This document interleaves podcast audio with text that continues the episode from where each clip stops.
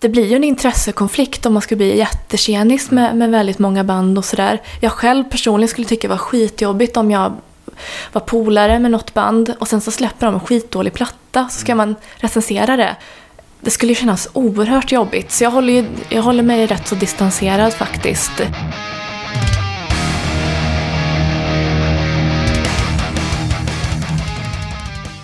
Då har du precis börjat lyssna på avsnitt 78 av Rockpodden. Varmt välkommen! Idag ska vi träffa en mycket, mycket intressant person. Sofia Bergström. Hon är sedan ett knappt halvår tillbaka Aftonbladets hårdrocks och metalskribent. Det ger ju henne en hel del att säga till om i Rocksverige och därför blev jag väldigt glad när hon tackade ja till att ställa upp på den här intervjun. Sofia är en fullfjädrad hårdrocksälskare och jag tyckte att det här var ett ohyggligt intressant samtal. Så utan vidare flyttar vi hem till hennes kök. Den här intervjun är inspelad den 5 mars 2018. Du lyssnar på Rockpodden. Sofia Bergström är dagens gäst. Jag heter Henke Branneryd och jag önskar dig en god lyssning. Då sitter jag hemma hos en eh, av svensk musiklivs makthaverskor. Får vi säga så? Det låter ju otroligt läskigt. Sofia Bergström, välkommen till Rockpodden. Tack så mycket. Hur är läget? Jo men det är bra. Lite vintertrött bara som alla andra men Ja. får man leva med. Det är lätt hänt. Har du haft en hård... Det är måndag eftermiddag ska vi berätta när vi spelar in det här. Ja men precis. Min måndag blev lite stressigare än vad jag hade tänkt. Sådär. Men nu är det, nu är det kul att, att sitta här och prata om metal. Men du satt ju med en ganska delikat arbetsuppgift när jag kom. Ja, jag spanade in Judas Priest kommande platta så jag ska inte klaga. Nej. men den kom lite senare än tänkt. När ska recensionen vara klar till den? Ja, det är on onsdag morgon men jag har många andra grejer fram tills dess också så det blir mycket kvällsskriverier nu. Men hur många varv lyssnar du på? Det är ändå liksom en stor release. Alltså ja, det varierar väldigt mycket från platta till platta måste jag säga. Men jag lyssnar åtminstone minst tio gånger, tror jag, innan jag skriver. Om du tänker en som ger ett riktigt bra betyg, Ja. eller en som ger ett riktigt dåligt betyg. Lyssnar du mer eller mindre på någon av de kategorierna, så att säga? Eller förlåt, nu förstod inte jag din fråga riktigt. Eh, nej, jag har en gång i tiden, för jättelänge sedan, recenserat skivor. Och då vet jag att jag lyssnade mycket mer på de som jag gav ett lågt betyg. Just för att jag ville ha liksom... Är det verkligen så här dåligt som jag skriver? Eller så där? Att jag ville ha lite på fötterna. För det är aldrig någon som ifrågasätter en om man skriver hyllande. Ja, ja, det är sant. Men jag måste säga, jag lyssnar nog väl, ungefär lika många gånger på en skiva som jag inte tycker om, som en skiva jag tycker om. Ja. Men sen så är det ett band som jag redan tycker om väldigt mycket. Då har jag texten klar i huvudet mycket snabbare än Ja. den jag inte tycker om och Ja. har lika bra koll om du, på, om du förstår vad jag menar. Ja, jag tror det. Eh, Men även om det är någon som jag tycker är urusel så lyssnar jag väldigt många gånger på den också. Men sen har vi som Judas nu, nya, då har det ju kommit några singlar och... Ja, men precis. De har på- gedigen diskografi, man Ja. har koll. Ja. Så man har ändå liksom ett tum om hur det kommer låta Ja. ändå. Men du, ska vi presentera för lyssnarna vem du är? Ja, Ja. ja. det kan vi göra. Vad Eh, har du för titel Ja, hårdrocksskribent på Aftonbladet. på Aftonbladet? Relativt nytillträdd. Ja, men precis. Det var, jag tillträdde officiellt 20 oktober förra året. Mm. Och tog över efter Mattias Kling. Ja, men precis. Som hade en lång och trogen tjänst. precis i 15 år. Så det är stora skor att fylla. Verkligen. Hur, hur känns det? Ja, väldigt läskigt måste jag erkänna. Eh, Aftonbladets hårdrocksbevakning har ju varit så personligt liksom, eh, förankrad och förknippad med Mattias Kling. Eh, och han har haft väldigt mycket respekt inom hårdrocksvärlden och han har ju Absolut. varit en stor förebild för mig när jag eh, började skriva om hårdrock i början av tonåren. Så att nu liksom tillträda efter honom, det känns ju det, det känns ofattbart faktiskt. Ja. Och eh, jag håller honom väldigt högt. Och jag försöker, det går liksom inte att jämföra med någon som har skrivit så himla mycket mer och så mer erfarenhet. Men eh, ja, jag ser upp till honom som skribent. Ja. Så läskigt att jag nu sitter i hans plats. Ja, men nu har det gått drygt fyra månader i alla fall. Ja, men precis. Ja, har du kommit in i det lite eller? Ja, men någorlunda i alla fall. Ehm, innan jag började skriva för Aftonbladet så skrev jag för Close-Up Magazine. Och mer nischat mot eh, döds och black. Eh, för de genrerna ligger mig lite extra varmt om hjärtat idag. Ja. Ehm, och det är en helt annan publik, en annan målgrupp, ett annat sätt att skriva på. Eh, alltså, jag känner fortfarande att jag är i liksom upplärningsfasen, måste jag säga. Försöker hitta mig själv. Ja, nej men precis, för close-up det är också en ganska... Är Nördigt oerhört tid. nischad publik. Ja, liksom. precis. Medan Och- Aftonbladet på något sätt är hela Sveriges. Ja, precis. tidning. Min, min farmor läser liksom hårdrocksbevakningen i Aftonbladet, så Ja. jag måste ha lite... Ja, det gjorde hon innan också. Hon gjorde det? Ja. Cool. Hon är ett stort Judas Priest-fan och Bra farmor. Ja, ja. Jätte, jättebra farmor har jag. Mm. Eh, men, så jag försöker tänka så här, när jag ska förklara ett band, Mm. skulle farmor förstå det här? Försöker jag tänka att det är ett så ledord jag har.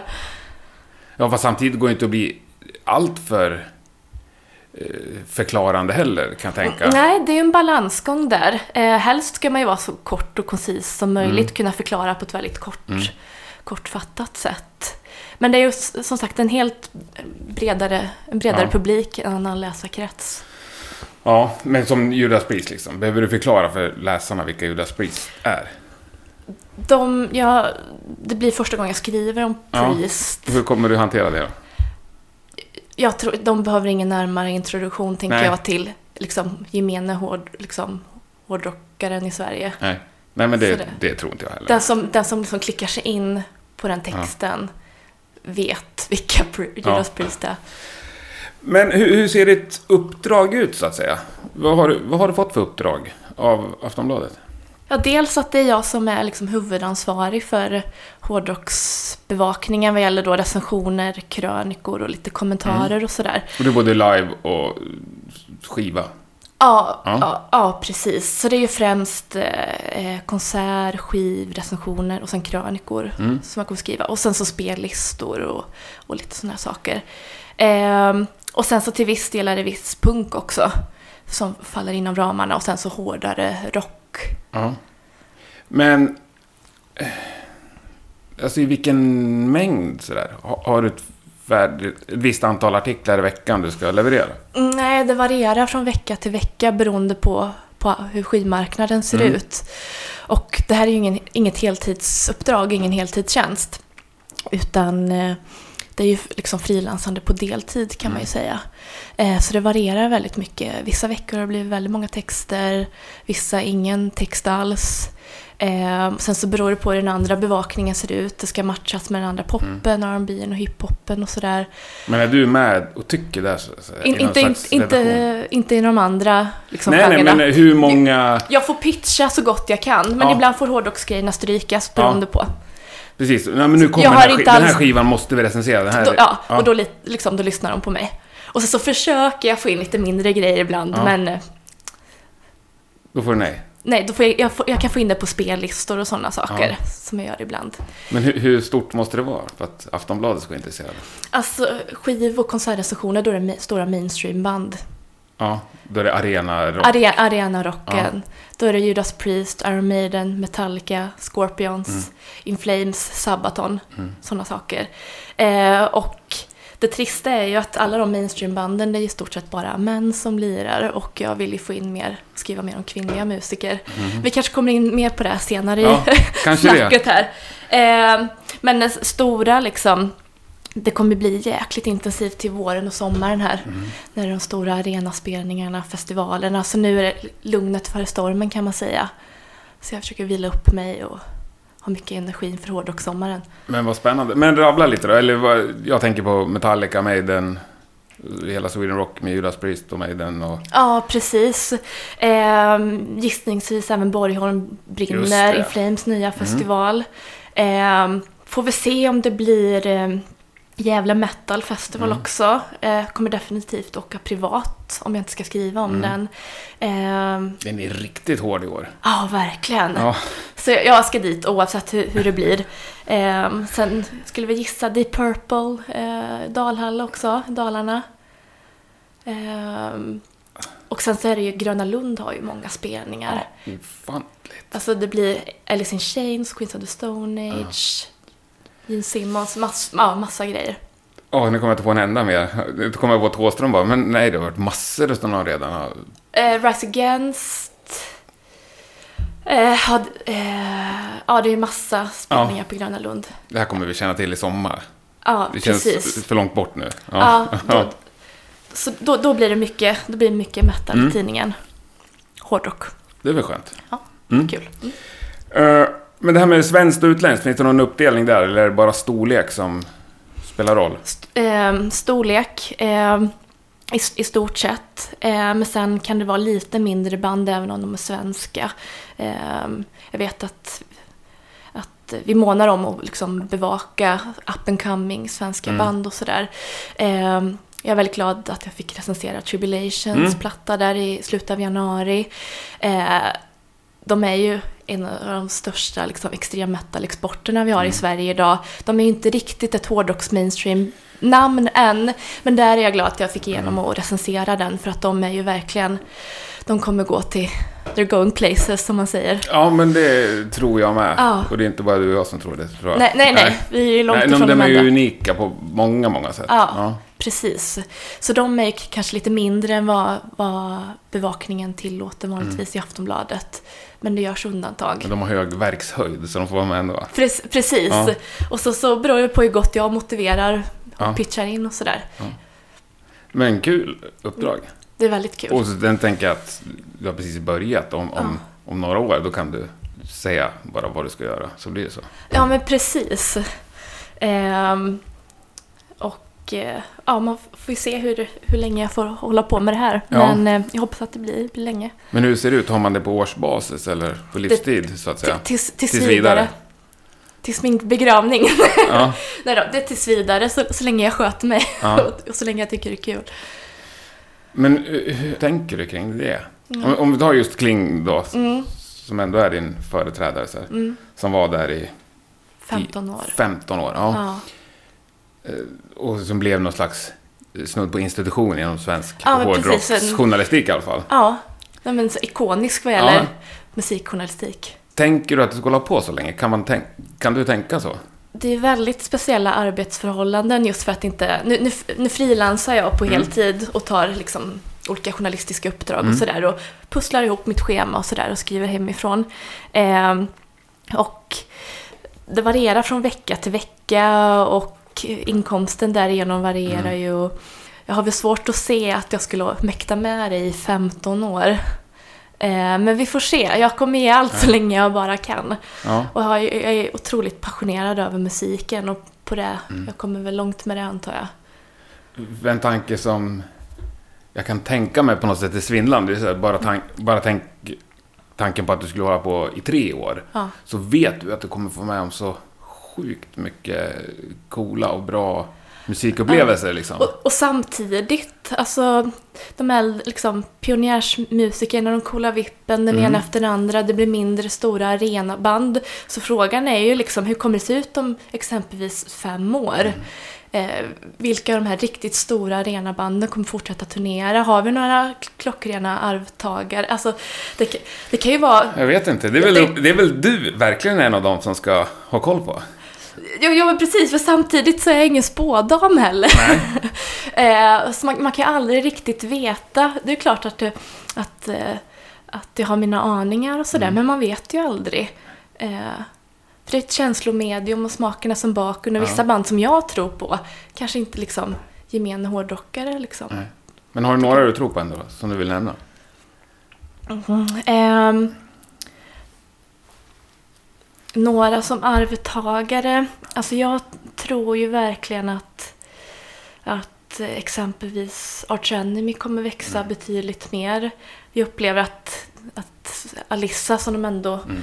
har haft nu i fyra år hon börjar få ett sånt hängivet liksom, följe. Verkligen. Och- Sälj egen merch såg jag. Ja, men precis. Och eh, hon, liksom, jag tror att hon kan bli en sån ik- ikonisk liksom, eh, metal-ikon och de har ju en väldigt melodiös ljudbild. Jag tror säkert att den kommer bli desto mer melodiösare och, och tillgängligare, tror jag. Mm. Ehm, och så det är väl någon bara på rak arm Mm. som jag kommer tänka på så. Så de är ju ganska stora redan, så att säga. Ja, men, Ja. men de är ju inte med i den stora. Nej, nej. men det, jag hade ju Kai Sivevik Ja, som gäst i förra avsnittet och han hade väl någon spådom om att ingen kommer stå på Wembley. Nej. Men däremot så kommer det vara väldigt många fler som ligger någon nivå under och som kan försörja sig som Mm. Ja. rockmusiker än vad det är idag. då är, kanske man tänker då Hovet, Annexet, sådana Ja, eller jag vet inte, kanske klubben liksom. Ja, Eller jag spelar tusen personers ställen liksom. ja. För gör du det några dagar i veckan, då kan du leva, leva på det i alla fall. Mm. Nej men absolut. Nej, men Ja. jag tror det kommer genren, eller scenen kommer nog genomgå en hel del förändringar de närmsta Mm. fem åren. Tror jag definitivt. Spännande. Men du, hur hamnade du på Aftonbladet? Sökte du dit eller? Nej, det gjorde jag inte. Utan jag blev kontaktad förra sommaren, nå- några dagar innan semestertid. Jag skulle gå på semester. Mm. Ehm, så fick jag liksom ett kryptiskt samtal om att eh, Kling behövde lite avlastning sådär. Vem ringde? Det var Håkan Sten som är musikredaktör. Jaha, ja, ja. Eh, och då lät det som att eh, de behövde någon som täckte upp lite sådär. Och de hade tydligen haft span på mig i två, tre år. De hade blivit, tipsade om mig genom en tidigare redaktör hos dem. Ehm, och eh, så frågade de om jag kunde skicka lite arbetsprover och om jag kunde komma in på, och, och träffa honom, redaktören och sen Kling. Mm. Eh, och det var min, blev min semester, första semesterdag, så åkte Ja. jag in till Aftonbladet-huset. Och, ehm, och där då berättade de att det var en, liksom en efterträdare de behövde. Och det tog ju med oss, sig- liksom, Ja, ja, eh, blev lite golvad över att det kändes väldigt mäktigt. Ja. Och att de bara liksom ringde mig sådär. Ehm, och sen i, så pratade vi och så, så nämnde de där att de hade haft koll på mig ett tag och nu trodde de att jag skulle liksom vara redo. och det Så. sa de under första mötet? Ja, precis. Ehm, Och vad och- sa du då? Eh, ja, jag, jag minns inte vad jag sa faktiskt. Eh, Nej men sa du liksom ja och skrek av glädje eller var du cool? Jag var cool, nej? lugn. Ja, utåt sett, Ja. men inte inombords. ska åka hem och fundera på det här. Ja, jag ska klura på det, Ja. sa jag. Då ska jag kolla hur det funkar i mitt schema. Ehm, nej, men också, och Kling förklarar liksom att han hade funderat på och, eh, och kliva åt sidan i flera år faktiskt. Men det hade bara tuggat på hela det här maskineriet och han kände att, att han började bli lite trött och sådär. Och jag så- hade sett samma band liksom 15-20 gånger och vet inte hur jag ska vinkla det längre. Liksom. Och det förstår jag ju. Ja. Ehm, och sen i slutet av, intervjun eller samtalet eller vad man ska säga ehm, så, så sa jag, frågade jag nå- någonting i stil med ja, jag antar ju att ni träffar en himla må- många andra och sådär men jag hoppas att ni tycker att jag är en stark kandidat. Och då så sa de att nej, du är den enda kandidaten. Ehm, och då, Det är bra löneförhandlingsläge om inte annat. Ja. Ja, precis. Eh, nej, men det, det, då blev jag ju helt chockad. Ja. Det finns ju så många oerhört duktiga liksom, musikjournalister där ute och inom, om rock, inom rock och metalsfären. Eh, så jag kände att, nej men gud, lilla jag. eh, så det var just, jag, hade, jag fick skriva lite arbetsprover och så under min semester sen. Bara för att visa att jag kunde anpassa mig till Aftonbladets språk och inte bara close-up-språket. Eh, men det var ju stort, tjänsten var ju i stort sett min där och då om jag inte hade skrivit skitdåligt på arbetsproverna. En lyxig sits. Ja, men det var trevligt. Som du såklart förtjänar, annars hade du aldrig hamnat där på det mötet. Nej, det, det är liksom inte något som har serverats. Alltså, visserligen, det serverades ju i viss, i en viss bemärkelse, men eh, eh, jag har ju kämpat otroligt hårt. Ja, ja, för att nå den Precis. positionen Ja, där det precis. serveras. Ja. Ja, men exakt. Ehm, och, ehm, och sen så var det liksom det var semestertider, Kling gick på semester, redaktören gick på semester och det var några veckor där som jag inte hörde någonting och jag trodde fortfarande inte så att det kanske skulle bli av. Nej, det är för bra för att vara sant. Ehm, men sen så skulle jag komma på någon, träffa några några högre chefer och sådär och då så sa de i telefon, nej men vi kanske inte har sagt det högt men det är, liksom, det är ditt gig om du vill. Liksom. Eh, och sen så, jag var väldigt avtrubbad faktiskt, för jag förstod inte fram till då den 20 oktober när, när jag läste det själv i tidningen. Eh, sov inte på flera veckor innan för jag var så nervös och, och sådär. Men var det där en hemlighet? Jag kommer ihåg den dagen när nyheten kom, Ja. så att säga. Men var det en hemlighet innan dess? Var det så att du inte fick berätta det för folk och så? Ja, men det var en hemlighet. Eh, Mm. Men jag berättade för en hel del vänner och Ja, ja. familjemedlemmar. Men det gör ju alla. Ja, nej men de berättade ju inte vidare. Och det, liksom, jorden Nej. hade inte gått... Alltså Nej. det är inte den kanske största händelsen i media-Sverige. Då skulle jag liksom ta mig själv på stort allvar. Nej, inte Men- den största kanske, men inom den här lilla hårdrocksbubblan så var det ändå en Ja. händelse. Det måste vi Ja säga. men, jo, men absolut. Ja. Och sen så... Eh, ja, men det skulle ju liksom hållas Mm. hemligt Mm. då. Och du vart ju också på ett sätt offentlig på ett annat sätt den dagen, så att säga. Ja, på en gång i Ja. stort sett. F- Fick ju liksom flera hundra nya följare på sociala medier Ja. på en gång. Hur många vänförfrågningar som helst på Facebook. Eh, mycket meddelanden och Mm. mejl och sådär. Som jag fortfarande inte har hunnit återkoppla till. Men, ehm, ehm, ja, men det var överväldigande. Mm. Och jag var jättenervös innan just för att, att Kling Alltså att det, ja, efter att eftersom att tidningens hårdrocksbevakning har varit Mm. så förknippad med honom. Många gillar honom som jag har förstått det och han eh, liksom är väldigt väl respekterad. Och Mm. så tänkte jag, gud kommer en ung tjej här utan skägg, utan en massa Mm. tatueringar. Vad kommer folk säga? Jag trodde ju att jag skulle liksom bli bränd på bål faktiskt. Mm. Jag var väldigt pessimistisk. Men sen upplevde jag att jag blev välkomnad med öppna armar. Och blev väldigt gratulerad. Och det var Härligt. väldigt värmande. Mm. Men har du hunnit haft någon kontakt med läsare? Ja, Ehm, det är någonting som skiljer sig väldigt mycket från vad jag är van vid. Mm. På Close-Up hade jag ingen läsarkontakt alls. Ingen? Nej. Ehm, jag fick ju höra liksom från ytligt bekanta ibland så här schysst recension eller den där texten var, Mm. tyckte jag om att läsa. Folk jag redan känner i stort sett. Ehm, men jag hade ju liksom ingen mail eller sådär. Nej. Så jag hörde ju...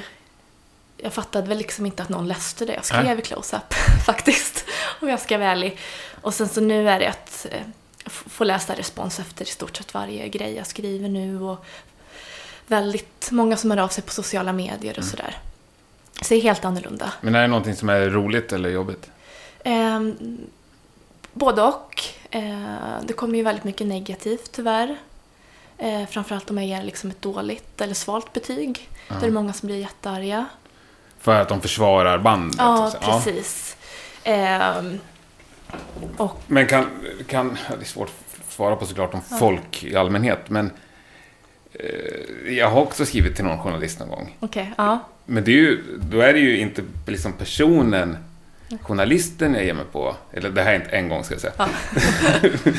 Utan det är ju för att jag tycker så mycket om det här som har sågats. Ja. Så att jag vill, så här, men fattar du inte liksom? Det är ju hur bra som helst. Ja, nej men om någon skriver ett sånt konstruktivt mejl så, Ja. så, så gör det ju ingenting liksom. Men när det är liksom pers personpåhopp sådär, Ja. lilla gumman, du har inte rätt att uttala dig om hårdrock, det har jag fått höra ett par gånger. Mm. Ehm, det är inte så kul. Nej. Och sen så tycker jag att jag har motiverat varför jag tycker si och så. Och sen så, men ofta sen när jag får negativ respons, då är det oftast väldigt uppenbart att den personen inte har läst texten. Utan bara läst rubriken eller betyget. Och rubriken sätter inte du. Oftast inte, nej. Men betyget sätter du. Ja, betyget Ja. sätter jag. Men hu- hur är det, för jag menar Aftonbladet i, i vissa delar av samhället är det nästan ett skällsord. Ja, Även om visst musiksidorna och sporten upplever jag i alla fall är liksom högt respekterad. Men som Aftonbladet journalistik liksom, det är ju nej men kvällspress, det har väl en liten eh, negativ klang. ja, ganska stor kan Ja, precis. I, inom då nyhetsjournalistiken. Men jag håller precis med dig där om att, att jag har inte sett det på deras, eller tänkt den tanken om deras musikbevakning eller Nej. sportbevakning. Nu är inte jag en sportintresserad person. Men, eh, men eh, det är mycket sensation, liksom, sensationsjournalistik. Mm. Liksom. Ehm, men jag tänker så här, jag är inte del av den Nej, nyhetsredaktionen. det, du håller inte till det. Nej, och vi skriver inte om nyheter och eh, vi skriver om subjektiva åsikter och det är väldigt kompetenta Mm. personer, liksom på, min- alltså mina Mm. kollegor. Eh, så där känner jag väldigt, jag känner en stor stolthet över att vara en del av den Mm. musikbevakningsklicken. Men eh, Ja, kvällspress som helhet eh, eh, kan ju vara lite av ett skällsord, ja. Mm. Men har du börjat läsa Aftonbladet i stort liksom? Li- Köper du den på kiosken ibland nu för N- tiden? när jag är med köper jag den. Du gör det? Ja, Fast jag öppnar den inte för jag klarar inte av att se mina egna texter. Men eh, Nej, du köper dem för att spara dem? ja, eller? precis. Dokumentation. Eh, sådär. Ehm, nej men in, innan jag själv började skriva för Aftonbladet, så jag har ju följt Kling själv i i alla fall tio år. Mm. Och jag har inte alltid hållit med honom, jag har alltid respekterat honom. Ehm, vi har oftast varit på samma konserter, lyssnat på samma plattor. Så bara, nej, så där tycker han, det gör inte jag. Men jag har alltid så här hyst stor respekt inför honom. Och, och det han har gjort för liksom hårdrock-Sverige och, och musikjournalistiken inom den här genren. Så det, det känns ju väl liksom... Jag känner mig stolt över att ta över det och ska göra det så, så bra jag bara kan. Och lika bra som Kling. Det förstår jag. Mm. Men du nämnde det, att ni har varit på mycket samma konserter. Ja. Av de stora nu, de här som du kommer få bevaka mestadels Mm. framöver. eh, Har du sett alla dem redan eller har du Ja, jag har sett alla. ingen att bocka av kvar? Nej. Jag började ju gå på konserter väldigt tidigt. Ja. Eh, så det är inget att bocka av. Nej? Så det, det tycker jag är bra. Då har jag mycket, jag har mycket referenspunkter Ja. och sådär. Eh, men jag såg ju inte liksom de stora spelningarna på, på 80-talet liksom. Men eh, det är väl dokumenterat. Ja. Sådär. Mycket fångat Mm. framför kameran och sådär. Men... Jo, jag förstår det att du tycker att det är bra, men lite, tråkigt. Då har du inget att se fram emot. Ja, jag ser fram Det- emot det, hel- fattar, ja. Det gör jag också. Jag ser jättemycket fram emot att se. Ja, men ofta så här, nu ser jag mest, brukar jag ofta se fram emot här mindre klubbspelningar Mm. med nya band. Eh, men de stora arenabanden, Metallica har jag ju sett över 10-15 gånger. Liksom. Eh, men ett jävligt bra liveband, så jag kommer inte bli besviken. Det tror jag verkligen inte. Då ska James vara sjuk igen i sådana fall. Ja. Men mår lite dåligt. Eh, så det kanske låter trist, men det ska bli jättekul ändå. Det här med betyg. Ja. Eh, har du någon aning om vad du har för medelbetyg på dina liksom, hundra senaste skivrecensioner? Eh, på close-up använder vi oss en helt annan skala, 1 till 10. Mm. Eh, men jag skulle vilja säga, jag är rätt så kräsen. Skulle jag säga. Och Aftonbladet 1 till 5. Ja, precis. men det går Hittills har det varit dem. mycket treor. Ja. Det har bara blivit så. ja. Eh, och ett, ett par, eh, par fyror och någon enstaka tvåa. Hittills inget sämre än det. Och ingen femma och ingen etta. Nej, Nej. Men det, det är riktigt starkt det är en femma alltså. Då är det att det ska i stort sett vara perfekt. Är något någonsin perfekt? Nej, men vissa saker tycker jag absolut är än femma. Ja. Men det är ju svårare ju större band är, Ja. tänker jag. Och nu jobbar inte jag som recensent, men ett band som släpper sin första skiva som är så fruktansvärt bra, då kan jag tycka att det är en femma. Mm. Och, men det är hemskt sällan såklart, men det händer. Ja. ja jag, jag har aldrig gett en full pott. Någonsin. Nej, Shit. har jag inte gjort. Nej, nej. nej, men då finns det kvar. Eh, å andra sidan har jag inte recenserat mina favoritskivor. Utan, för de kom ju på, liksom, på 90-talet när Mm. jag var, innan jag började skriva. Så vilka är det då som skulle ha fått femmor? Master of Puppets. Ja. ehm, eh, Rainbow Rising. Det är typ en av de bästa plats, plattorna någonsin. Alla 76 kategorier. pratar vi nu. Ja, redan då gjordes den bästa, bästa Ja. plattan. kan man lä- lägga av efter det. Mm. Ehm, Opet har väl några fempoängare. Det är Ja, du gillar dem. Ja, precis. Ja, jag har ser det, ja. Opet-linne på mig idag. Ehm, nej men absolut. Ehm, Men de då? Kan inte de bli ett av de stora förresten? Precis som Arch Enemy, de som verkligen... de nischar ju in sig mer, Det är mer liksom proggjazz funkhållet Ja. de är på väg. De kommer bara bli mer obskyra tror jag. Så Mm. det tror inte jag. Nej. Nej. Men jag, jag skulle gärna skriva mer om Opet. Mm. Så det, ja. Nej, men ingen femma. Men det kommer. Hittills. Den, kom, Det kom- det kommer. Ja. Vilken utmaning. Men det blir inte Judas Priest nu, jag får inte fem heller. Ja, Nu har jag ju bara hunnit lyssna igenom den en halv gång. Jag tvivlar. Det här avsnittet är ju ute efter din recension. Så. Nej, det, det kommer dagen innan. Kommer det på fredag, recensionen? Ja, precis. Aha, okej. Ja, då behöver du inte avslöja. Jag gissar på en trea. Rockpodden görs i samarbete med Tilt Recordings i Strömstad.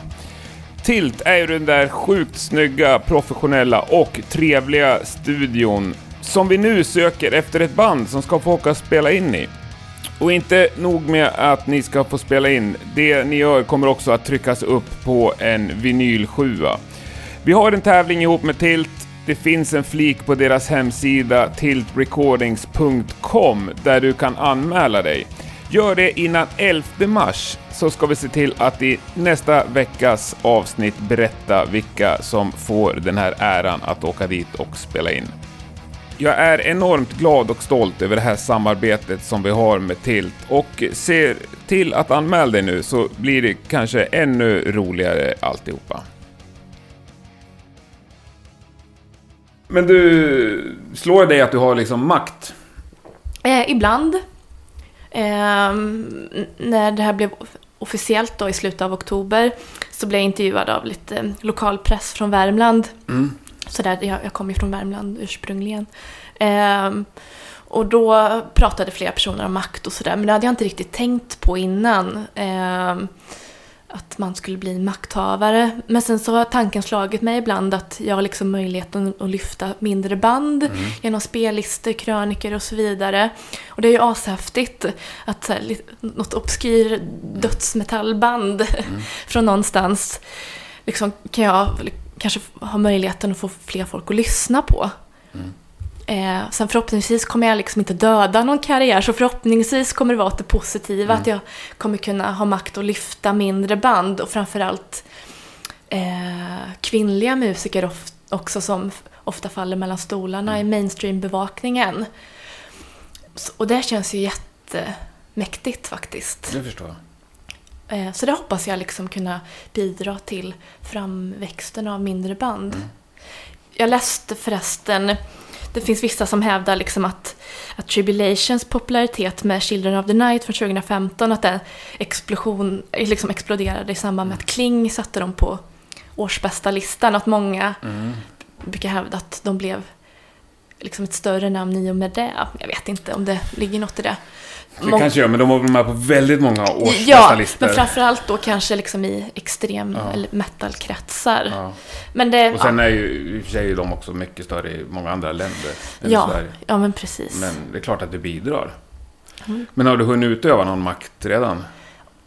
Det vet jag faktiskt inte. Nej. Men om det är något band som du ändå har tänkt att de här ska försöka lyfta? Liksom.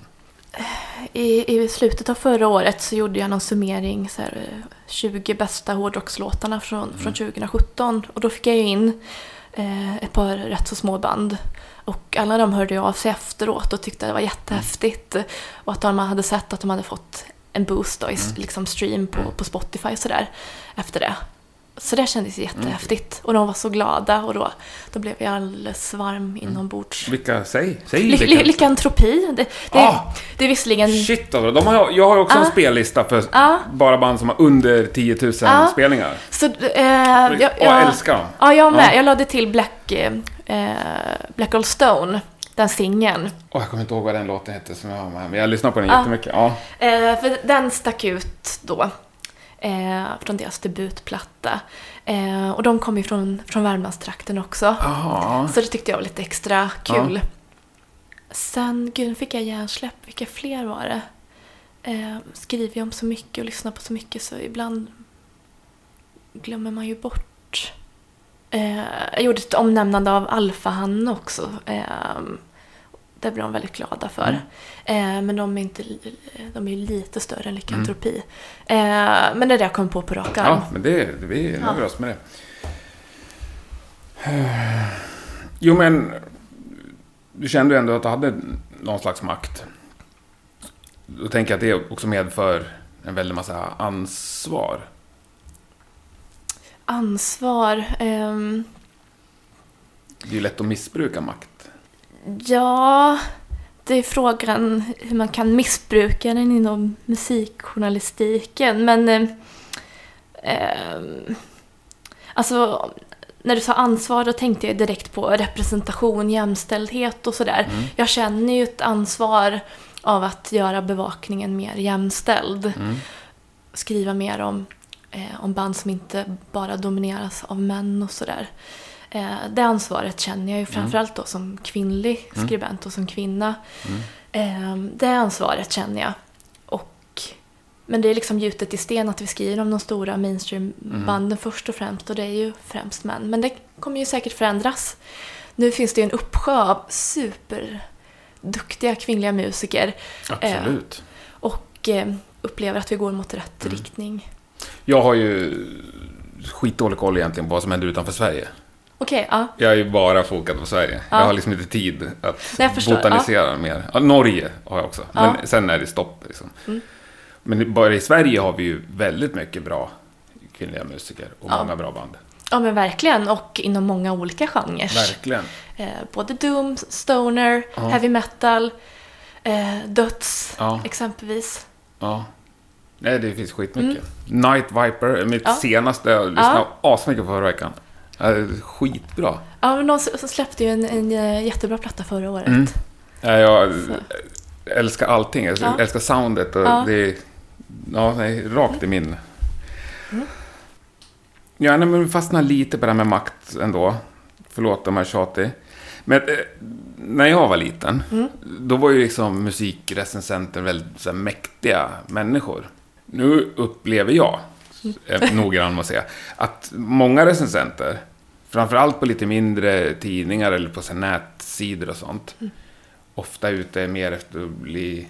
Eller de är ganska måna om att bli polare med banden och vill liksom inte riktigt skava sig med någon. Känner du igen den bilden? Ja, jag, jag har ju in, inga, inga mina vänner spelar något band eller sådär. Nej. Och det blir ju en intressekonflikt om man ska bli jättetjenis med, Mm. med väldigt många band och sådär. Jag själv personligen skulle tycka det var skitjobbigt om jag var polare med något band och sen så släpper de en skitdålig platta så ska Mm. man recensera det. Ja. Det skulle ju kännas oerhört jobbigt. Så jag håller, ju, jag håller mig rätt så distanserad faktiskt. Så för min del, jag är mån om att liksom... Jag har många ytligt bekanta och, och sådär i ol- olika band Mm. sådär, men inga, inga jag umgås med eller sådär. Eh, jag vet inte vad jag har för bild av det. Eh, jag vet inte om jag upplever att många skribenter på, på nättidningar och sådär är liksom väldigt nära banden. Men det kanske... Inte väldigt nära, Nej. men kanske att man tycker att det är ganska coolt ändå. Ja, men Bli- jag förstår. Bli inbjuden i logen och få dricka lite gratis bira Ja. liksom. Nej men det förstår jag. Men jag, jag ser ju att det finns en konflikt Ja. i det. Och sen så jag t- träffat många musiker i liksom Mm. intervjusammanhang och sådär. Och har väl hållit mig till det. Men det är klart att det är ju att det är fräckt att bli bjuden backstage och Mm. sådana där saker. Eh, men då kanske man blir lite mindre objektiv ja. och sådär. Det är väl kanske också meningen av bandet när de bjuder. Ja, det, det kanske, kanske det är Ja. liksom. Sådär. Men jag, jag har ju skrivit själv, det var ju så jag började. Jag började skriva för nät, nättidningar. Och innan, innan Close Up Magazine skrev jag för Rocknytt bland Mm. annat. Och jag gjorde mycket webb-tv där. Just ja, det kommer vi till. Ja. Ja, ja fy fan. Ja. Nej men eh, experimenterade väldigt mycket. Jag intresserade mig väldigt mycket för filmning och Mm. redigering och, och ljuduppspelning Mm. och sådär. Så jag fick ju chansen att testa massa saker och träffa många stora namn. Eh, fria tyglar i stort sett. Mm. Eh, lärde mig väldigt mycket. Eh, så jag kom ju från den världen själv och det, är- det är häftigt och så här, att fotas tillsammans med någon stor musiker Mm. som man gillar och sådär. Men tycker du det fortfarande? Nej, det har avtagit lite. Ja. Det är väl ganska skönt, är det inte? Ja, Eller hade du velat att det var som förr i tiden? Att du tyckte att det var häftigt? Alltså, det var väl mer när jag var tonåring som jag, som jag tyckte det. Men däremot, jag var på, i helgen var jag på skivmässan i Solna. Mm. Då hade Mikael Åkerfeldt ett, ett stånd där han sålde skivor. Han är den enda jag blir starstruck av. Han är min största musikaliska idol. Ja. Så jag gick och kollade på hans progg, eh, italienska proggskivor och tänkte så här, oj vad coolt att köpa någonting. Men jag kände ju inte igen skit det han hade där. Men jag, jag vågade inte prata med honom. Är det sant? Ja, det är sant. Han är, ja, han är min största, han är den enda som jag blir nervös inför. Men där tänker jag att du skulle ju kunna bara presentera det som Ja, Sofia från Aftonbladet och så. Vi, vi, vi har ju hälsat innan och sådär. Ja. Jag har ju träffat honom ett par gånger. Ja. Jag tror inte att han känner igen mig. Eh, Det tror jag verkligen inte. Men ja, han är den enda jag blir nervös inför. Ja. Och min sambo sa, ja men gå fram och prata. Men då pratade han faktiskt med två andra, jag kunde inte avbryta. Nej, nej såklart inte. Nej, nej. Men ja, gud Ja. vad töntig jag var då. Men ja, Men ingen annan, innan dess då? Senast du blev starstruck? eh, Mario Duplantier, eh, trummis i Goira. Ah, Han har en sån fruktansvärt bra trummis. Ja, så jävla bra. Och han har en sån fantastisk karisma och utstrålning. Så oerhört sympatisk. Ja. Och jag ville bara prata med honom i timmar. Han hade massa vettigt att säga. Han var så respektfull. Bara otroligt trevlig. Och jag hade med, det här var på Getaway Rock då. Vilket år var det? 2013 kanske? De spelade i, sist. Det ösregnade Ja. och var kolsvart. Precis. Den här ljusshowen var Ja. helt magisk. Det Ja, jag var, det var nästan en fem, fempoängskonsert tror jag. Ja, för mig var det det. Ja, jag svävade utanför kroppen då Ja. framme vid krav- kravallstaketet. Men i alla fall, honom intervjuade jag då. Ehm, jag blev alldeles tagen av honom. Eh, för att ja, han har en särskild utstrålning alltså. Och jag hade med mig en, en manlig fotograf som innan den här intervjun, han var rätt så säker på sin sexualitet och sådär. Men alltså, han viskade till mig efteråt att Mario hade fått honom att ifrågasätta sin Ja. sexualitet. Skönt. Men det var, ja, Ja. Nej, jag har aldrig träffat på dem, men de verkar hyggligt trevliga båda bröderna. Ja, jag, jag, jag Ja. hälsade på, på Joe en gång. Mm. Sådär. Men de är lite så här tim- timida, tillbakadragna Mm. allihopa. Sådär. Och jättetrevliga. Och Mario är den jag pratar mest med.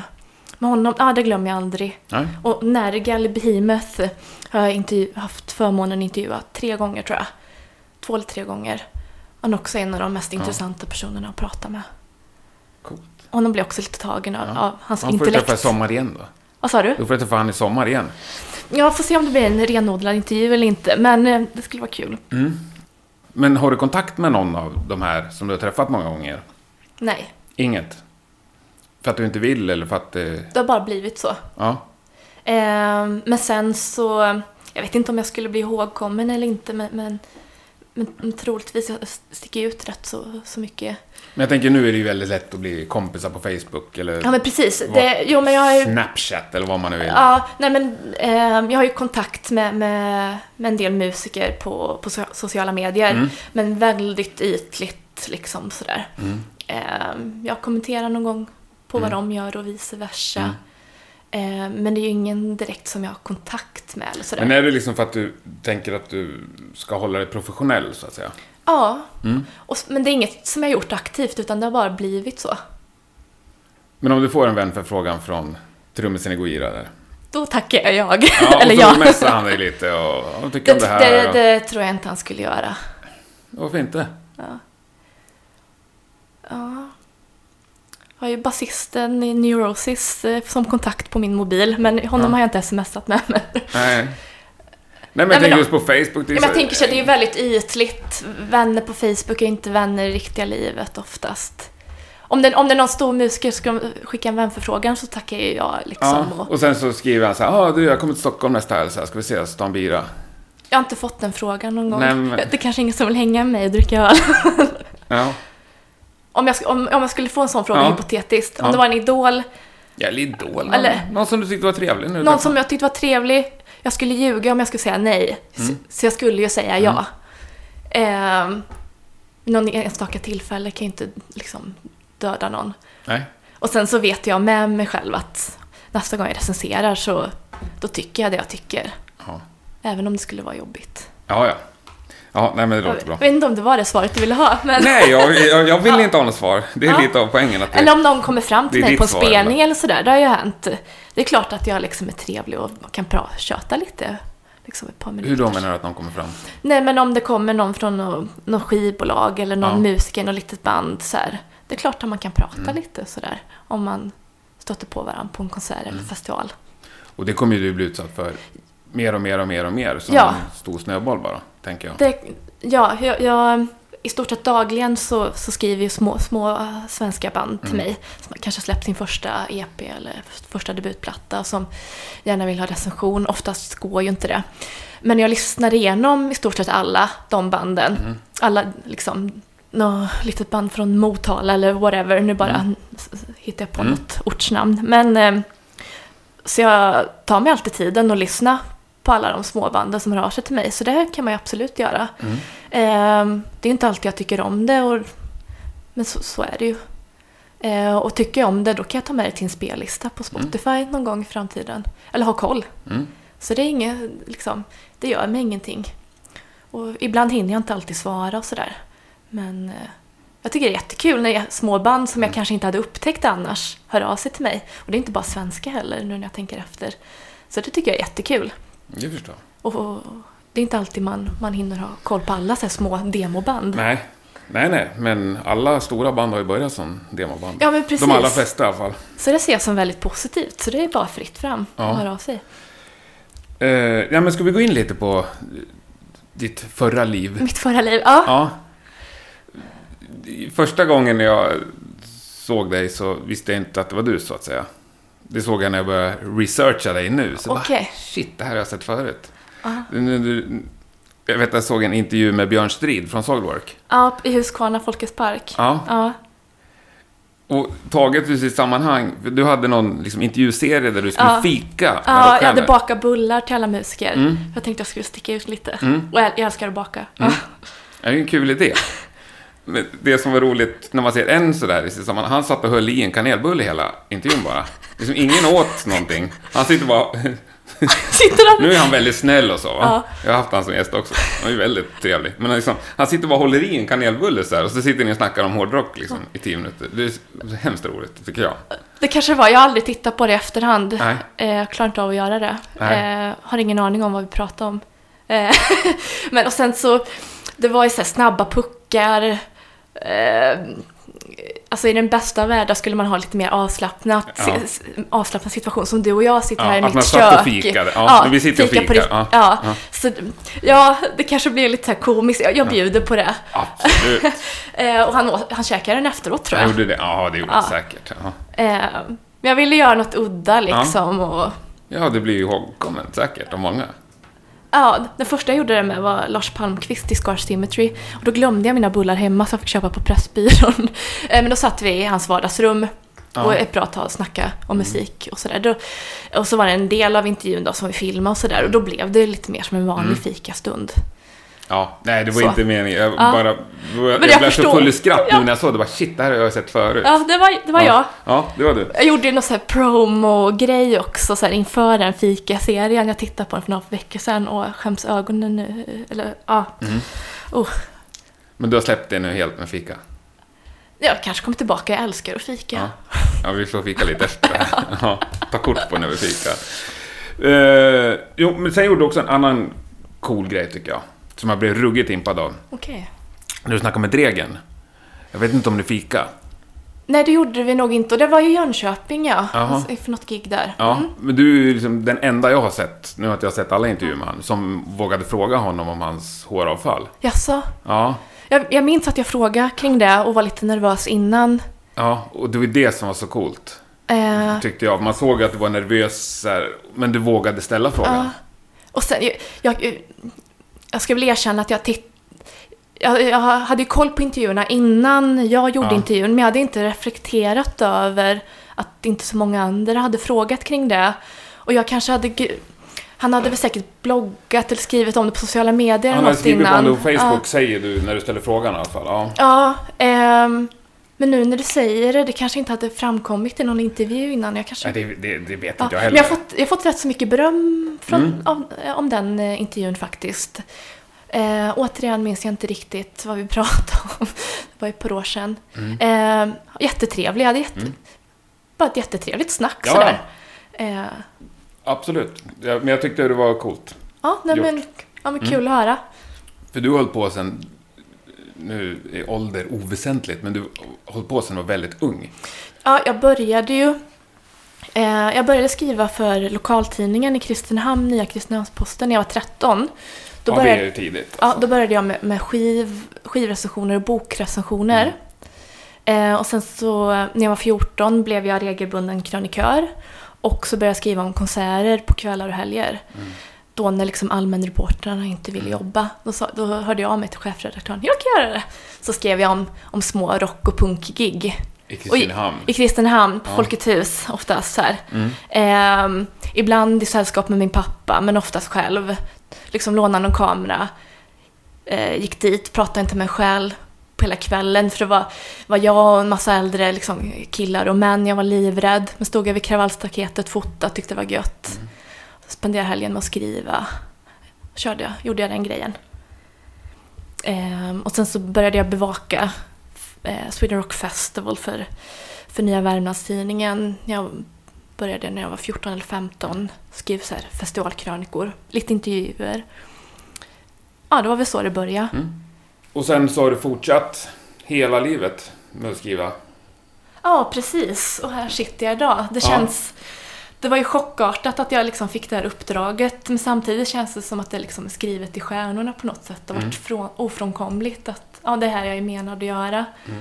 Eh, men hårdrocken har ju varit liksom eh, meningen i mitt liv eh, ända sedan jag var liksom barn. Jag är uppfostrad liksom i ett hårdrockshushåll. Underbart. Liksom hade Metallica som vaggvisor liksom sådär och älskade Kiss och Europe och Scorpions och sådär när jag, när jag var, var barn. Halloween, Annihilator också så här familjeband. Shit. Eh, Ja. och sådär. Eh, och eh, sen så lyssnade jag lite på så här pop parallellt och sådär. som- Men mest för att passa in bland de andra tjejerna som inte lyssnar på hårdrock och sådär.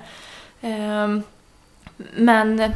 Eh, För det var inte så många tjejer på högstadiet i nej, nej, Värmland nej, kna, knappt killar heller. på Annihilator. Nej, Nej. De, de hade ju ingen aning om vad det var. Ehm, så jag kände mig som ett så jäkla stort svart får i stort sett under hela uppväxten. Ehm, och i, hög, i, liksom i mellanstadiet, jag var lite så för, för grabbig för tjejerna, för, tjej, för tjejer för grabbarna. Hade svårt att få vänner och passa in. Upplevde väldigt mycket utanförskap och mobbing. Som började, eller tog ordentlig fart i, eh, på högstadiet, om man säger så. Eh, blev väldigt mobbad. Jag, jag var gottrockare ett tag, lyssnade mycket på Manson, hade jättemycket kajal. Och de populära killarna i nian skrek efter mig i korridoren att jag var det fulaste de har sett. Och det är inget kvar än idag liksom. Och då hade jag mycket stöd liksom i, typ, i Manson, Korn, Slipknot. Jag lyssnade väldigt mycket på nu metal som 12-13-åring sådär.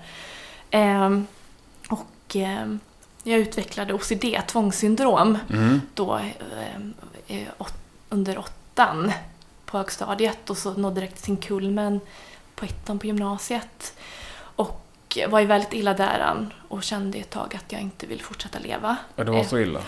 Eh, Men då var ju hårdrocken, det var ju mitt livselixir. Det var det som gjorde att jag orkade fortsätta kämpa.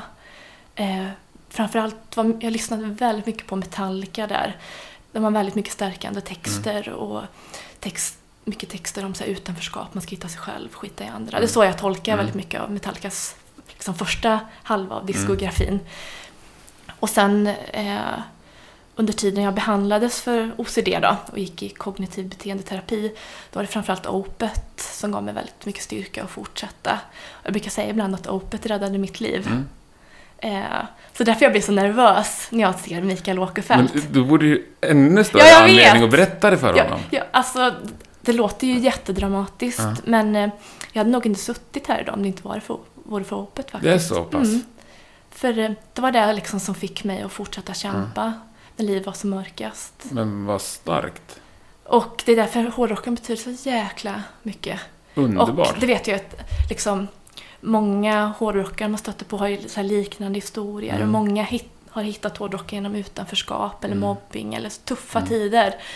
Och eh, det är så förlösande när man lyssnar på liksom Death eller Black. Man kan få ut massa aggressioner, allt man är frustrerad över och så. så ja, det är så härligt. Eh, och därför är det så, så, det är så jäkla trist då när man blir kallad lilla gumman. när folk säger åt mig att jag inte har rätt att tycka till. Eh, hårdrock, det är liksom mitt livs största kärlek. Det är det jag liksom lever för. Det är det jag vill dedikera mitt liv åt. Mm. Och att då bli ifrågasatt och jag blev förhörd, varit med om massa jobbiga grejer. Och att, att bli ifrågasatt och inte bli betrodd, det är ju fruktansvärt sårande. Ja, det där såg jag att du skrev någonstans också, att du blir ifrågasatt liksom, att du Ja. skulle rabbla upp saker och. Ja, och så har jag har varit med om flera gånger så här att man, så här coola killar som, ja, musiker själva som har frågat så här, vad tycker du om det här dödsbandet? Och så har jag inte, bara fan vad är det för band? Jag sa ju precis att jag gillar dödsmetall. Ja. Och jag känner inte igen det, gud vad pinsamt. Och sen när jag kom hem har jag insett att de hittar på namn. Bara för att testa mig, för att se om jag typ skulle ljuga för att vara Ja. cool. Det varit med. De Ja, sa- det är jävla taskigt. Ja, Men, men där, när killarna Nia gick och skrek Ja. vidrigheter liksom. ja. Du stod ändå på, du fortsatte ändå med din stil och med Ja, din musik. Efter ett tag försökte jag anpassa mig, försökte bli lite populär. Gick ju liksom, det gick ju skit. Det gick Mm. inte så bra. Så då bara, nej men jag satsade allt på plugget. Jag var en extrem plugghäst. Jag är väldigt nördig som person liksom. Mhm. Och eh, har väl inte haft så mycket av ett vanligt tonårsliv. För det mesta har jag mest eh, pluggat eller skrivit. Och, sådär. och de flesta konserterna och festivalerna jag varit på har jag skrivit om. Jag har inte haft tid och liksom, jag har inte träffat på så, jag har inte så många kompisar eller bekanta som lyssnar på hårdrock. Så jag har inte så många att prata hårdrock med. Så min ut, mitt utlopp har ju varit att skriva. Jag tycker så mycket. Men det var ingen som tyckte att du var cool i det? Eh, Jag tror inte det. Jag, när jag gick i nian, om jag hade fått reda på att en tjej i sjuan, hon åker på alla metalfestivaler och skriver Nej, nej, hårdrock. jag, Jag hade ju, ju jag var ju mobbad. Jag var ju, gift mig på studs med henne. Liksom. jag var ju, jag var ju, tunt, jag var ju bland den töntigaste tjejen på skolan. Det är ofattbart, tycker jag. Men ja, jag ska inte förminska din upplevelse av det, för jag ser att den är sann. Liksom. Ja. Det var ju några i min klass, några killar här, som lyssnade på typ eh, lite på Judas Priest, Iron Maiden och sådär. Men jag fick inte vara med i det gänget. Nej, Jag var för töntig. Eller jag passade inte in. nej. Så det, ja nej men eh, hå- hårdrocken har ju varit min bästa vän Mm. när jag inte haft några vänner. Nu har jag bra vänner idag, men jag har haft många perioder i mitt liv när jag inte haft några vänner.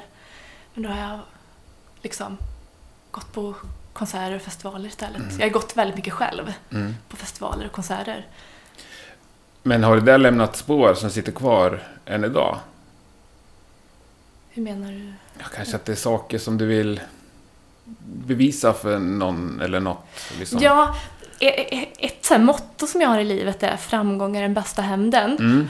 Ofattbart nog, nog kommer det från en Kanye West-låt.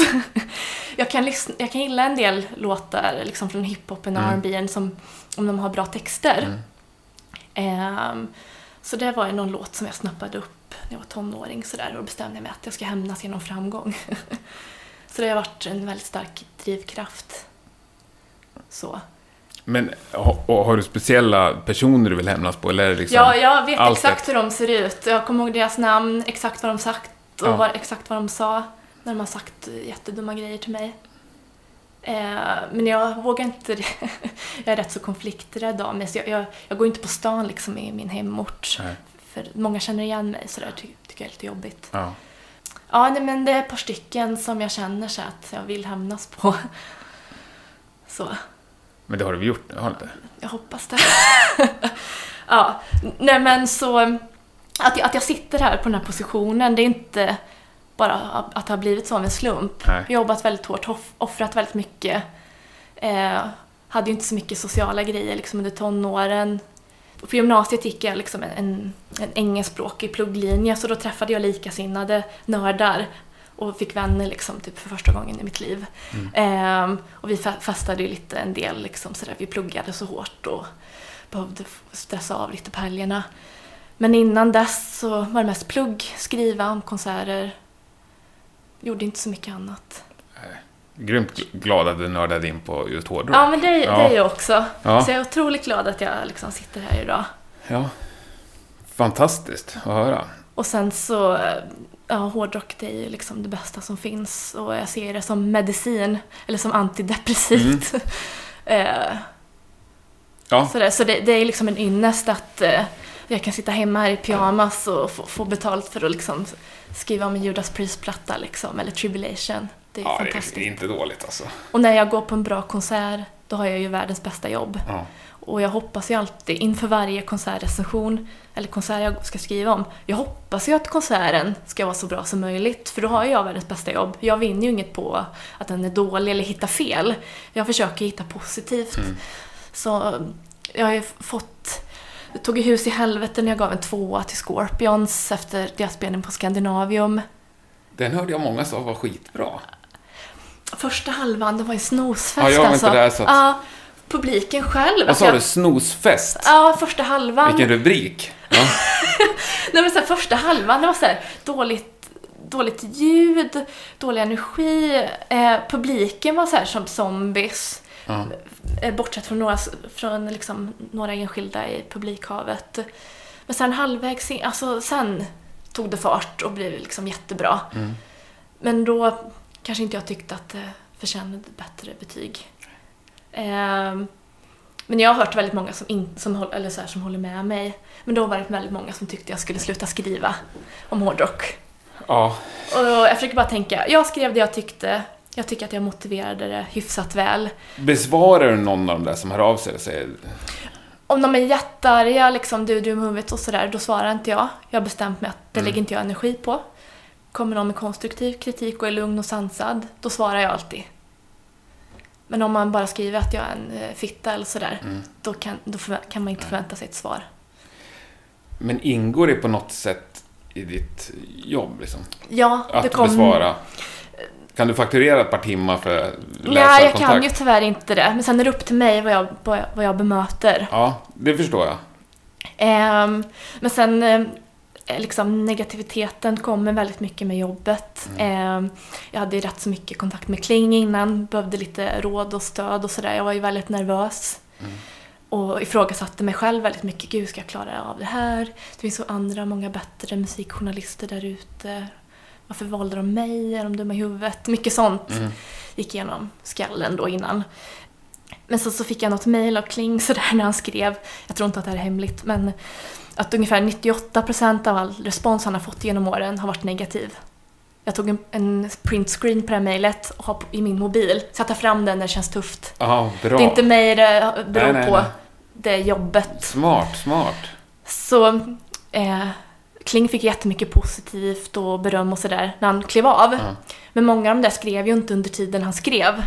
Det är oftast folk som negativa som hör av sig. Så ibland tänker jag att alla hatar mig och det jag skriver och sådär. Så folk är, det har ju liksom med att göra med dagens sociala medieklimat. Att folk har det lättare att, att klanka ner och klaga och vara äh, liksom, negativa. Och de som tycker saker och ting är bra, eller håller med, de hör inte av sig.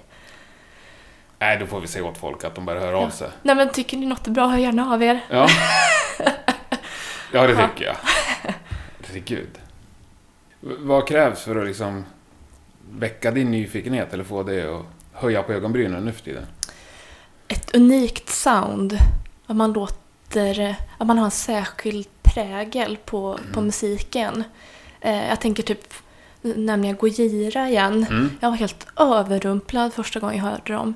Eh, fortfarande idag liksom saknar de motstycke för de har ett så distinkt gitarrsound med väldigt så här, fängslande gitarrslingor. Eh, sångaren har liksom en rätt så unik, raspig, Mm. melodiös eh, stämma. Som, det är inte growl, men det är inte skönsång heller. Det är någonstans mittemellan. Fantastisk trummis. Eh, och eh, de låter ju helt... Mm. De har ett helt unikt sound. Eh, och sen så, jag är ju väldigt svag för progressiv metal. Mm. En av de största liksom, kärlekarna när jag var liten var ju så här, Dream Theater. Mm. Eh, mina preferenser har, har förändrats lite sedan dess. Eh, men när jag hörde liksom låtar som var över tio minuter, jag tyckte det var så jävla häftigt. Om man kan göra det, om man är duktig musiker. Ja. Det kräver ju väldigt mycket. Ja, men, ja, men det, det kan vi väl Men säga. jag, att jag, jag, Theater var. jag Ja. älskar taktbiten, alltså låtar som blir som historier, som Mm. ändrar skepnad under liksom, minuternas gång, som inte är de här vanliga låtarna man hör på radio. Så folk, musiker som tänker lite annorlunda, ja, liksom, Mm. de står högt i kurs hos mig. Ehm, och så tar in influenser från andra Mm. genrer och sådär. Ehm, Nu har jag glömt bort vad din fråga Nej, var. ja, och nej, vad som krävs. Jag, jag frågade egentligen om live. Det var live, Ja, för det spelar Ja. ingen roll. Ju, alla Ja. förstod ju. Svaret var fullgott. Men vad krävs just live då, om vi ställer frågan igen? För att du ska höja på ögonbrynen? Närvaro på scenen. Alltså, in, inte bara liksom Dave Mustaine-tuggande så, med, med håret framför ögonen och ser ut att befinna sig på någon annan, annan plats. Nej men, eh, alltså musiker med mycket energi. Eh, publikkontakt som ger det li- liksom lilla extra som ger mervärde. Alltså, konserter, alltså det är dyrt att köpa konsertbiljetter. Det är en investering. Och likaså liksom festivalbiljetter. Eh, så personer som liksom ger allt och lite till på scen. Eh, liksom, då, då får de mig Mm. att, vakna liksom. Eh, och eh, bara för att ge liksom ett, ett färskt exempel, så Alyssa White Glass. Jag tycker Mm. hon har jättemycket energi på scenen. Det liksom ger så mycket mer än att bara lyssna på liksom en Arch Enemy-platta. Mm. Liksom, hon, hon, eh, eh, hon i sig liksom. Eh, hon är en stor scenunderhållare Mm. och blir bara starkare och starkare på scen. Senast jag såg henne hade hon lite problem med rösten tyvärr.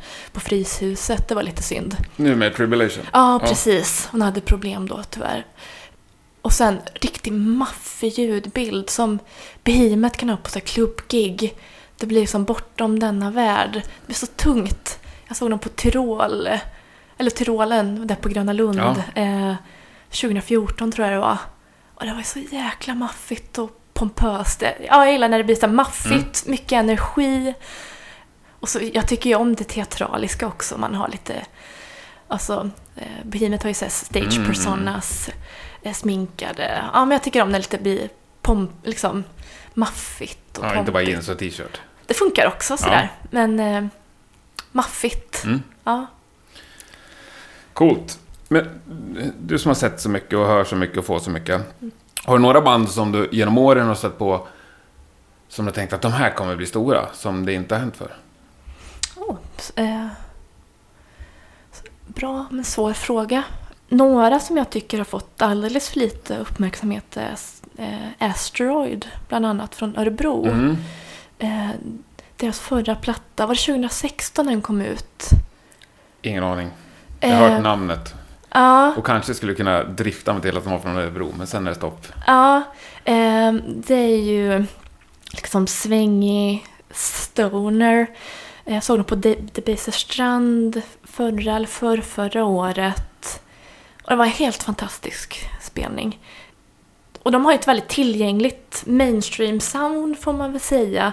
Och det förvånar mig att de inte har blivit eh, ännu större. Helt enkelt, det är väl det jag kommer på just Mm. Annars, gud vilken svår fråga. Det är klart det finns många som, små som jag tycker om och som Mm. jag tänker att...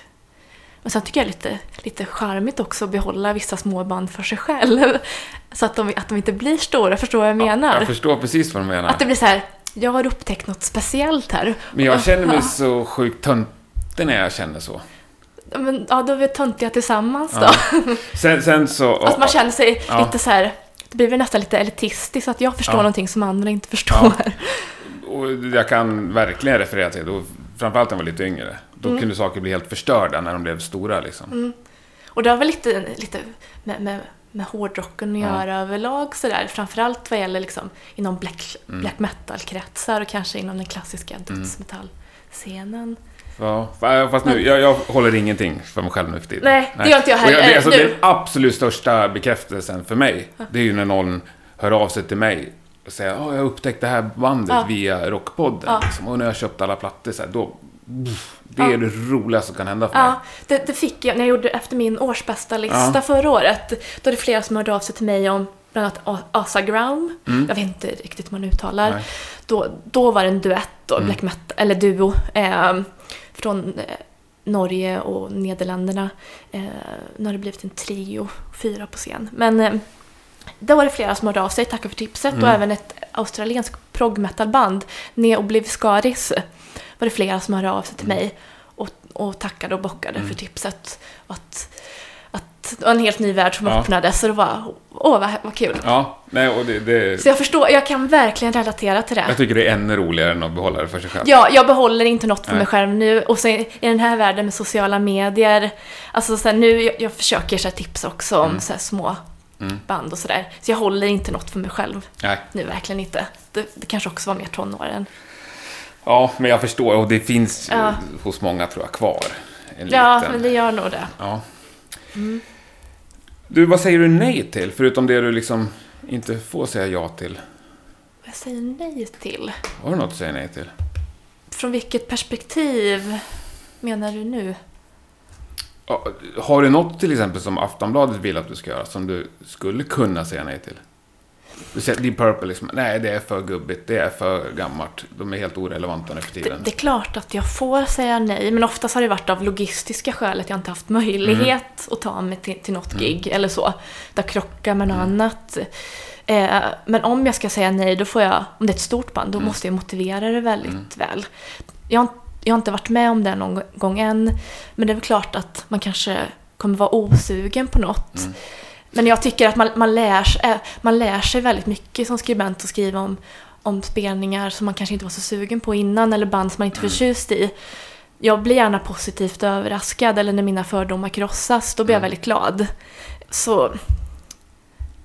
Ja, jag ska ha goda skäl Ja. till. Och det är Ja. klart jag kan säga nej, men jag måste motivera det. Men det där för, Ja. med fördomar. Alltså, har du någonting så som du håller på att lyssna in det på så att säga? Som du tänker, alltså, det här tror jag att jag kommer kunna gilla. Känner du igen den känslan om vi börjar med det? Om du hör en platta eller ett band. Så här, det här kanske jag kommer kunna gilla sen. Alltså, min musiksmak blir bara bredare och bredare för varje år som går. Jag var väldigt så här, inrutad och hade lite tunnelseende kanske i tonåren. Och så för ett par år sedan då tänkte jag att det ska bara vara extremt så här. Och hade en period när jag, när jag dissade allt som hade med skönsång att göra. Det skulle bara vara growl liksom. Eh, men sen, jag... Mm. Du har inget sånt pågående projekt liksom? Att du håller på att lyssna in det på... Nej, på... däremot försöker jag aktivt vara mer öppensinnad. Och även lyssna på mycket utanför hårdrocken. Kanske liksom inom pop och sådär. Försöker jag ändå hålla mig ajour med liksom mainstream populärkulturen. Oftast försöker liksom hitta något positivt igen. Och jag hör ju om det är bra musik eller inte, även om det är genre jag inte är så insatt i. Man hör ju om det är bra musiker, bra sångare, bra låtskrivare. Eh, men det är väl att jag jobbar väl på att bli mer öppensinnad. Och sen så tror jag per automatik att jag bara liksom blir mer och mer eh, bredare. Mm. Men något konkretare än så kan jag Nej, nog men inte det svara. tror jag räcker bra. Fruktansvärt trevligt. Ska vi försöka runda av lite? Så vi får fika någon gång. Ja. Vi tar några snabba här då. Eh, vad ser du mest fram emot av det du har bokat i kalendern? Som jag ska skriva om. Ja, eller göra, eller se. Ja, alltså, jag ser väldigt mycket fram emot Stockholm Slaughter i slutet av april. Mm. Du är hård alltså i din musiksmak. Ja. Så jag ser fram emot att se Masters Hammer Mm. live och Asagram också. Sådär. Eh, Neobliviscaris ska jag köra en spelning på, på Fryshuset. De upptäckte jag ju förra året då. Med deras platta Örn. Eh, och sen ska det bli spännande med Borgholm, Borgholm brinner också. Mm. Eh, det är många akter kvar som ska annonseras. Ja, men vi har, vi har Anthrax va? Ja, men de hoppade jag av. Har de? Det har jag missat. Mm. Ah, Så nu, och så är det Danko Jones och Graveyard. Mm. Ja, vi får väl se. Nej, men, Och In Flames då. Ja. Och In Flames Ja. då förstås. ja. När du gör årsbästa för 2018, Ja. vilka hoppas du, eller tror du, kommer stå högst upp? Tribulation ligger ju jäkligt bra till. Mm. Sen har jag höga förhoppningar om At the Gates kommande. I maj, Maj. 18 maj tror jag det var. Eh, Likaså inför Behemoths platta. Åh, Eh, vet inte fan hur de ska kunna, liksom, om de kan överträffa The Satanist, som var helt äh, fantastisk. jag, jag, jag är ju inget äh, Behemoth-fan. Okej, ja. Men jag intervjuade ju Daniel Bergstrand som har producerat massa av deras skivor. Ja. Han säger ju att den här är the skiva. Oh, För att ja. ta citat. Han var helt lyrisk. Han var som ett barn när han pratade om den. Oh, det låter ju jäkligt spännande. Det låter hoppfullt Ja, för er Behemoth-fans. ja. Ja. Så, nej, men, så de, de, de hoppas jag ju en hel del på. Mm. Låter väl underbart. Ja, Tusen tack för att jag fick komma och fika med dig. ja nej, men kul att du vill Jättetrevligt. komma. Ja, tack så mycket.